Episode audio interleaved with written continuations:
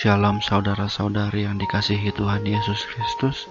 Sebelum kita memulai merenungkan firman Tuhan pada hari ini, marilah kita bersatu dalam doa. Terima kasih ya Tuhan untuk hari ini.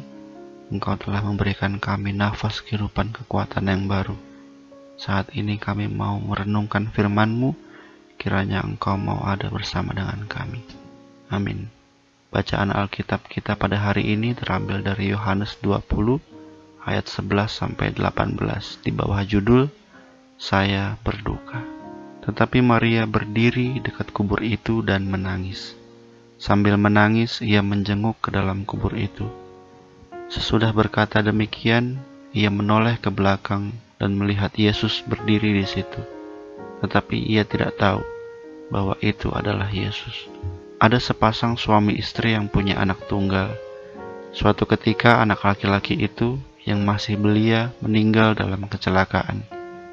Betapa berdukanya kedua orang itu, hingga tiap minggu mengunjungi makam anaknya, bahkan sampai bertahun-tahun kemudian. Di dalam teks yang kita pelajari hari ini, dikatakan bahwa Maria Magdalena begitu berduka, sehingga hari sesudahnya setelah Yesus dikubur, ketika hari masih pagi-pagi benar, ketika hari masih gelap, bahkan sebelum atau mendahului fajar, langsung bersama beberapa wanita lainnya mendatangi kubur Yesus. Siapa Maria Magdalena ini? Markus 16 ayat 9 dan Lukas 8 ayat 2 menjelaskan bahwa ia pernah dibelenggu tujuh roh jahat, namun dijemah bebaskan oleh Yesus. Kehilangan orang yang dikasihi memang berat, apalagi jika ia meninggal dalam keadaan mendadak. Tidak wajar bagi kita, atau kita tidak siap. Seperti Yesus yang ditangkap semena-mena, kemudian diadili, disiksa, dan dihukum jauh dari keadilan, bahkan brutal, tanpa seorang pun yang berkuasa dan mampu ada untuk membela. Jadi orang-orang terdekat Yesus tidak hanya mengalami kedukaan karena kematian, tapi juga ikut mengalami penganiayaan batin dan mungkin rasa bersalah karena tidak dapat melakukan apa-apa, dan seolah-olah membiarkan orang terkasih menghadapi semua kekejaman semena-mena itu sendirian. Ini pasti sebuah siksaan mental tersendiri. Hal itu mungkin termasuk dialami Maria Magdalena, yang juga bersama sedikit orang lainnya terus ikut mengiringi Yesus sejak proses salib sampai penguburan.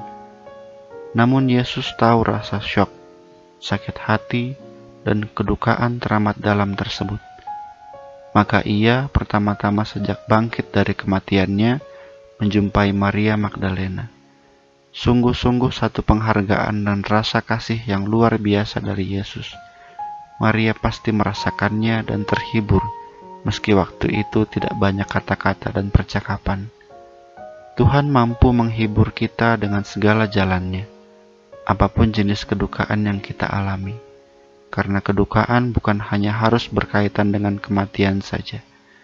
Penghiburan yang kita harapkan dari manusia bisa tidak memuaskan atau malah mengecewakan.